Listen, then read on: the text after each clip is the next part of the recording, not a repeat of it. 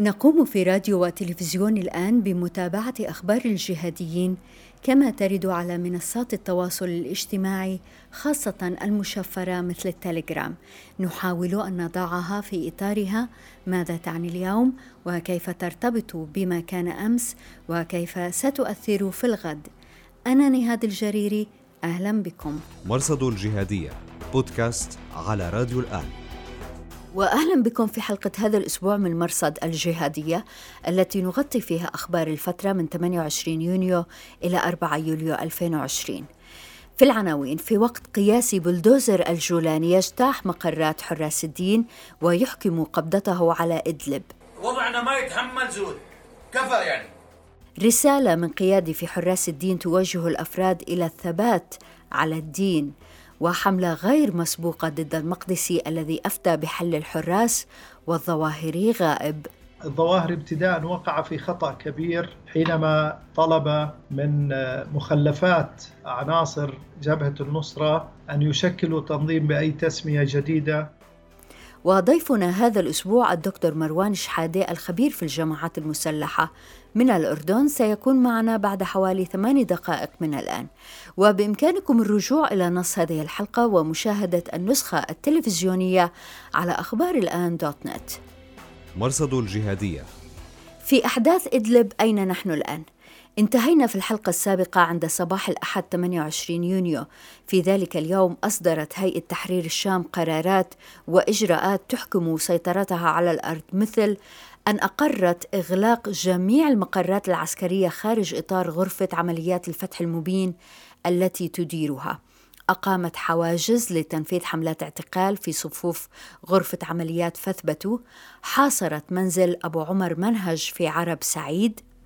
نحن هنا في عرب سعيد جالسين راضين بحكم الله هذا ما قدره الله علينا. طعنت مجاهدي عرب سعيد في ظهرهم. هذا الاتفاق الذي وقع طعن في الظهر. وبعد مواجهة غير دموية امتدت 48 ساعة اعتقلت الهيئة أخويه فاضطر لتسليم نفسه. وأبو عمر منهج كان انشق عن الهيئة وكان في صلب الاشتباك مع الحراس في رمضان الماضي في مسألة الاحتطاب التي ساهم في حلها أبو القسام الأردني. في الأثناء اتهم معارضو الهيئة أمنييها بالإجهاز على أبو أحمد الرقاوي نائب أبو القسام الأردني الذي قتل في غارة للتحالف مطلع الشهر. الرقاوي أصيب في الاشتباكات الأخيرة مع الهيئة ونقل إلى مشفى إدلب حيث توفي أو قتل هناك.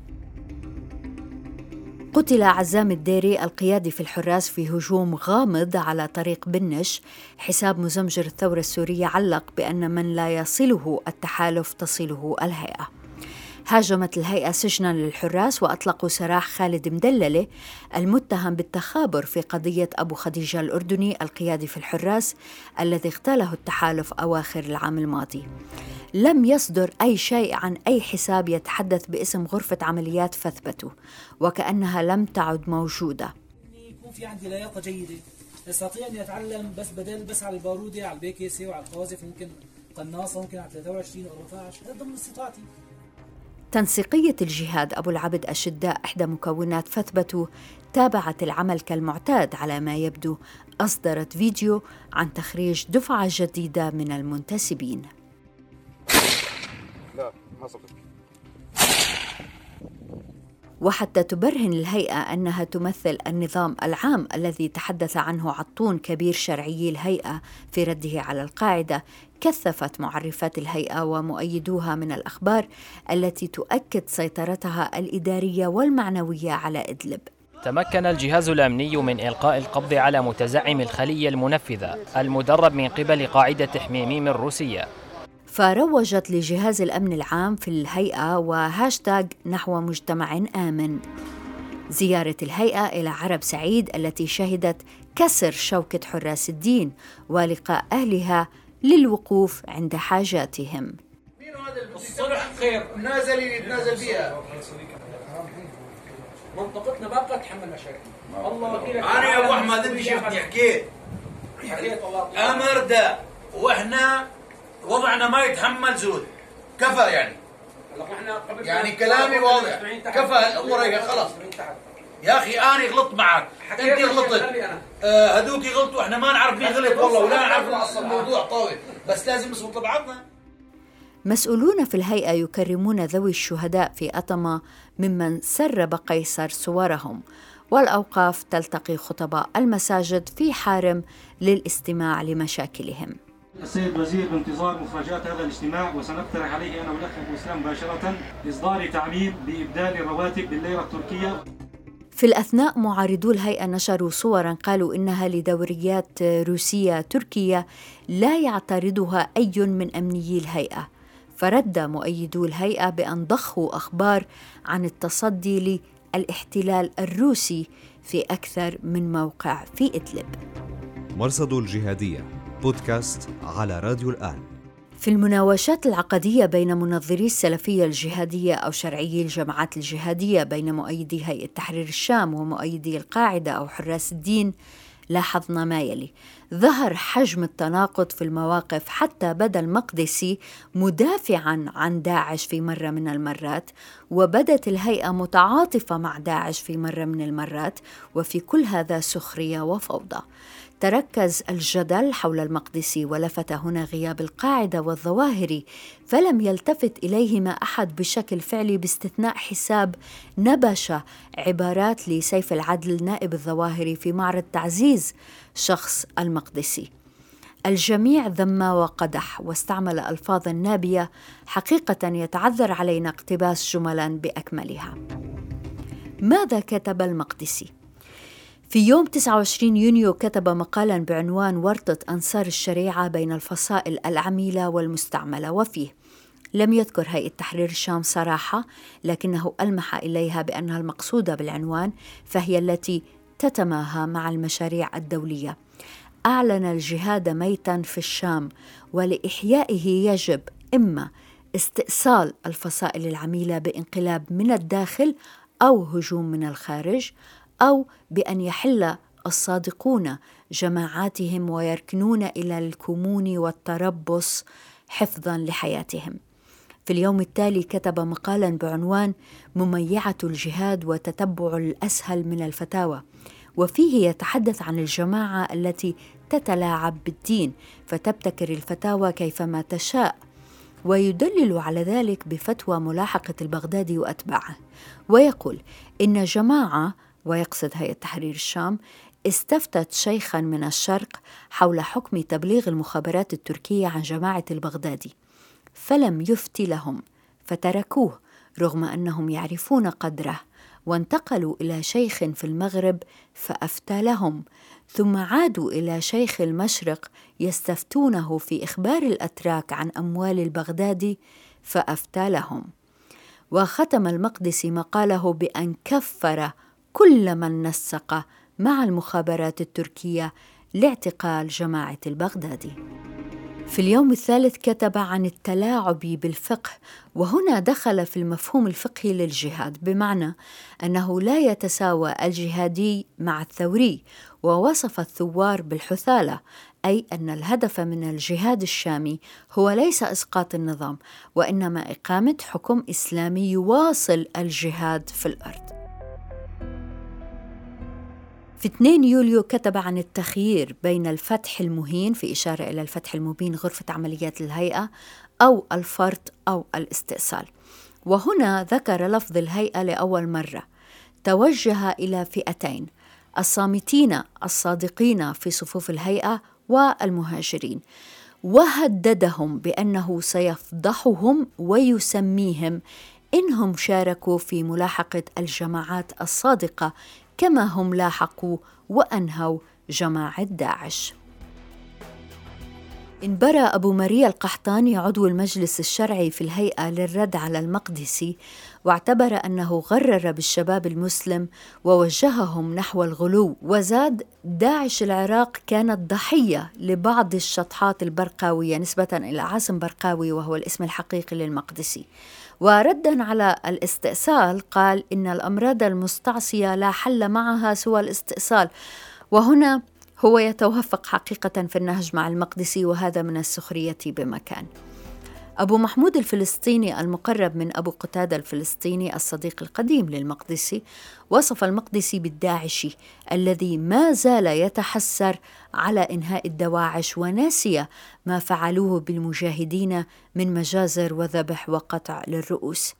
وانتقد تهديد المقدسي للمهاجرين من صفوف الهيئة وقال إن تهديده يخدم أجهزة الاستخبارات.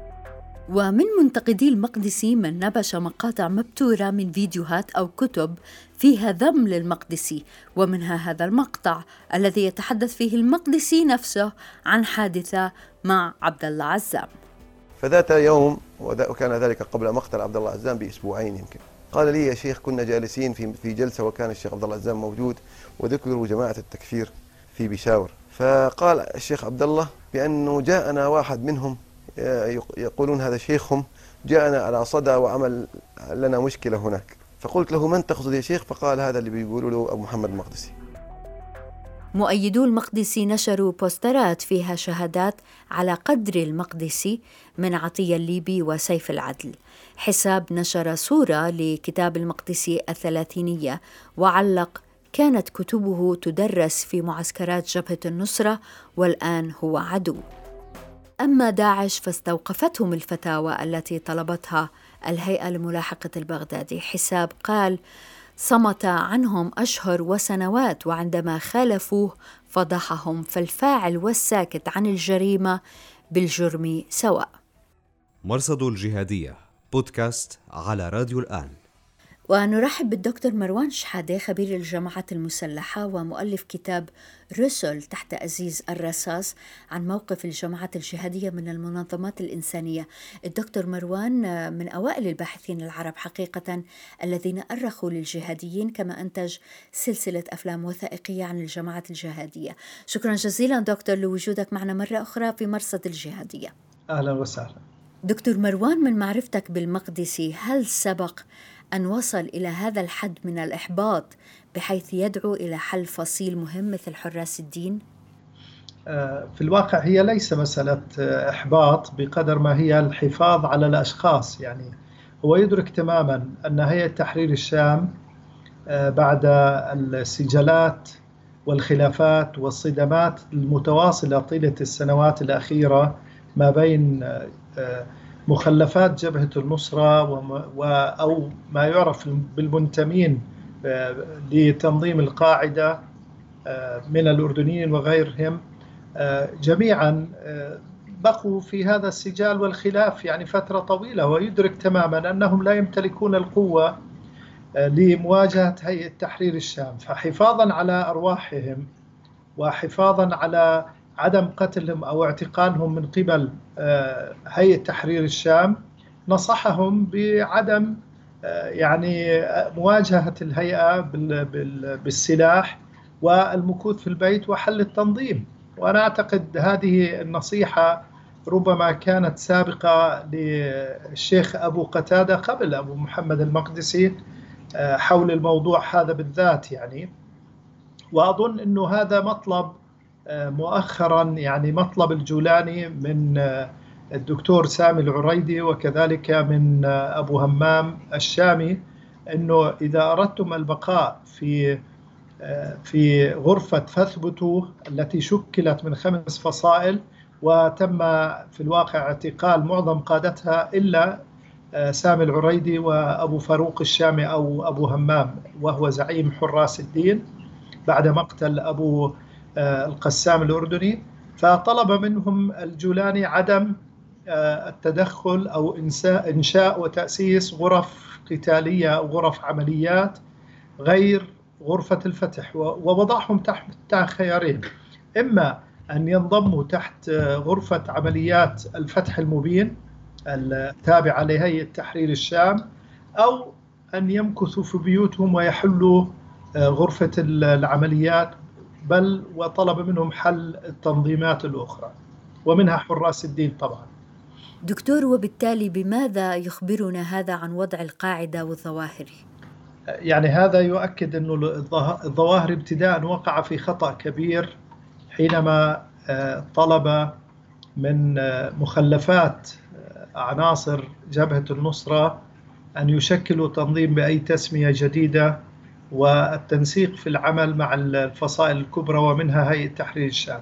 بعدما فك الارتباط أبو محمد الجولاني كان آه، يعني هناك جدل كبير في وسائل الإعلام ولدى الأجهزة الأمنية والدول أنه هو غير صادق في فك الارتباط. ولكن ثبت عمليا أنه أبو محمد الجولاني فك الارتباط مع تنظيم القاعدة. فأنا باعتقادي أن الخطأ الذي وقع فيه آه، أيمن الظواهري هو إبقاء علاقة مع أشخاص يشجعهم على الانشقاق والخلاف. وكما تعلمين يعني في ساحات القتال لا يوجد خلاف آه، سلمي. يعني الخلاف يصل إلى حد الاقتتال والدماء فبالتالي آه، هذا الخلاف الذي وقع ما بين الجولاني ومخلفات جبهة النصرة وعناصر جبهة النصرة وصل إلى حد قتل الكثير منهم. آه، بل هم يتهمون الجولاني أنه هو من دل قوات التحالف على معظم القيادات وتم اغتيالهم بسبب المعلومات التي قدمها الجولاني أو بعض عناصره. فبالتالي هناك آه، حالة من الضعف التي تمر بها أو يمر بها تنظيم القاعدة. وهذه الحالة فقدت فاعليته بشكل كبير. يعني هذه الحالة التي وصل إليها التنظيم جعلته في وضع لا يمكن أن يكون فاعلا في الساحة التي يتواجد بها. ففي أفغانستان خسر الساحة وخرج منها. باكستان أيضا يعني أيمن الظواهري له أكثر من عام ونصف لم يخرج في أي بيان أو تعليق على الأحداث. ووكل أبو محمد المصري وسيف العدل المتواجدين في إيران في الواقع. ولا نعرف ظروف هل هم معتقلين أم في إقامة جبرية أم تحت الرقابة الشديدة من قبل السلطات الإيرانية وغير ذلك من معطيات فبالتالي هم يتحكمون في ملف القاعدة في اليمن وفي هذه المنطقة في بلاد الشام. فبالتالي آه، أنا في اعتقادي أن تنظيم القاعدة انتهى بعد مقتل آه، أسامة بن لادن وأصبحت فاعليته يعني مخلفات تنظيم القاعدة. في اليمن الآن انشق أيضا التنظيم وأصبح تنظيمان. آه، في ليبيا انتهى أنصار الشريعة انتهت وفي مالي أيضا تم قتل آه، زعيم التنظيم أبو مصعب آه، درودكال الجزائري عبد الودود درودكال وقيادات أخرى. فبالتالي تنظيم القاعدة وعصر الجماعات أنا في تقديري أنه عصر الجماعات والتنظيمات انتهى والآن آه، يعني آه، ربما يكون هناك ولادة جديدة لدولة تتبنى جماعة أو تنظيم على شاكل الطالبان. يعني طالبان هي الوحيدة التي أثبتت أنها تتصرف تصرف الدول ولديها نفس طويل في الوصول وتحقيق أهدافها ولديها مشروع سياسي تحاول أن تحقق بالإضافة إلى البندقية من خلال التفاوض السلمي.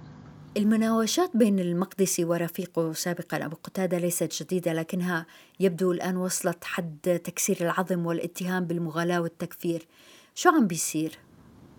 يعني هي الخلافات آه، الآن ليست بين أبي قتادة وأبو محمد المقدسي وإنما الخلافات هنا هي ما بين أتباع هيئة تحرير الشام ومؤيديها آه، مثل أبو محمود الفلسطيني وغيره وكذلك بين أتباع آه، حراس الدين أو على الأقل الذين يؤيدون تنظيم القاعدة ويؤيدون المقدسي آه، هناك خلافات عميقة لأنه أبو محمد يختلف عن أبي قتادة في الواقع.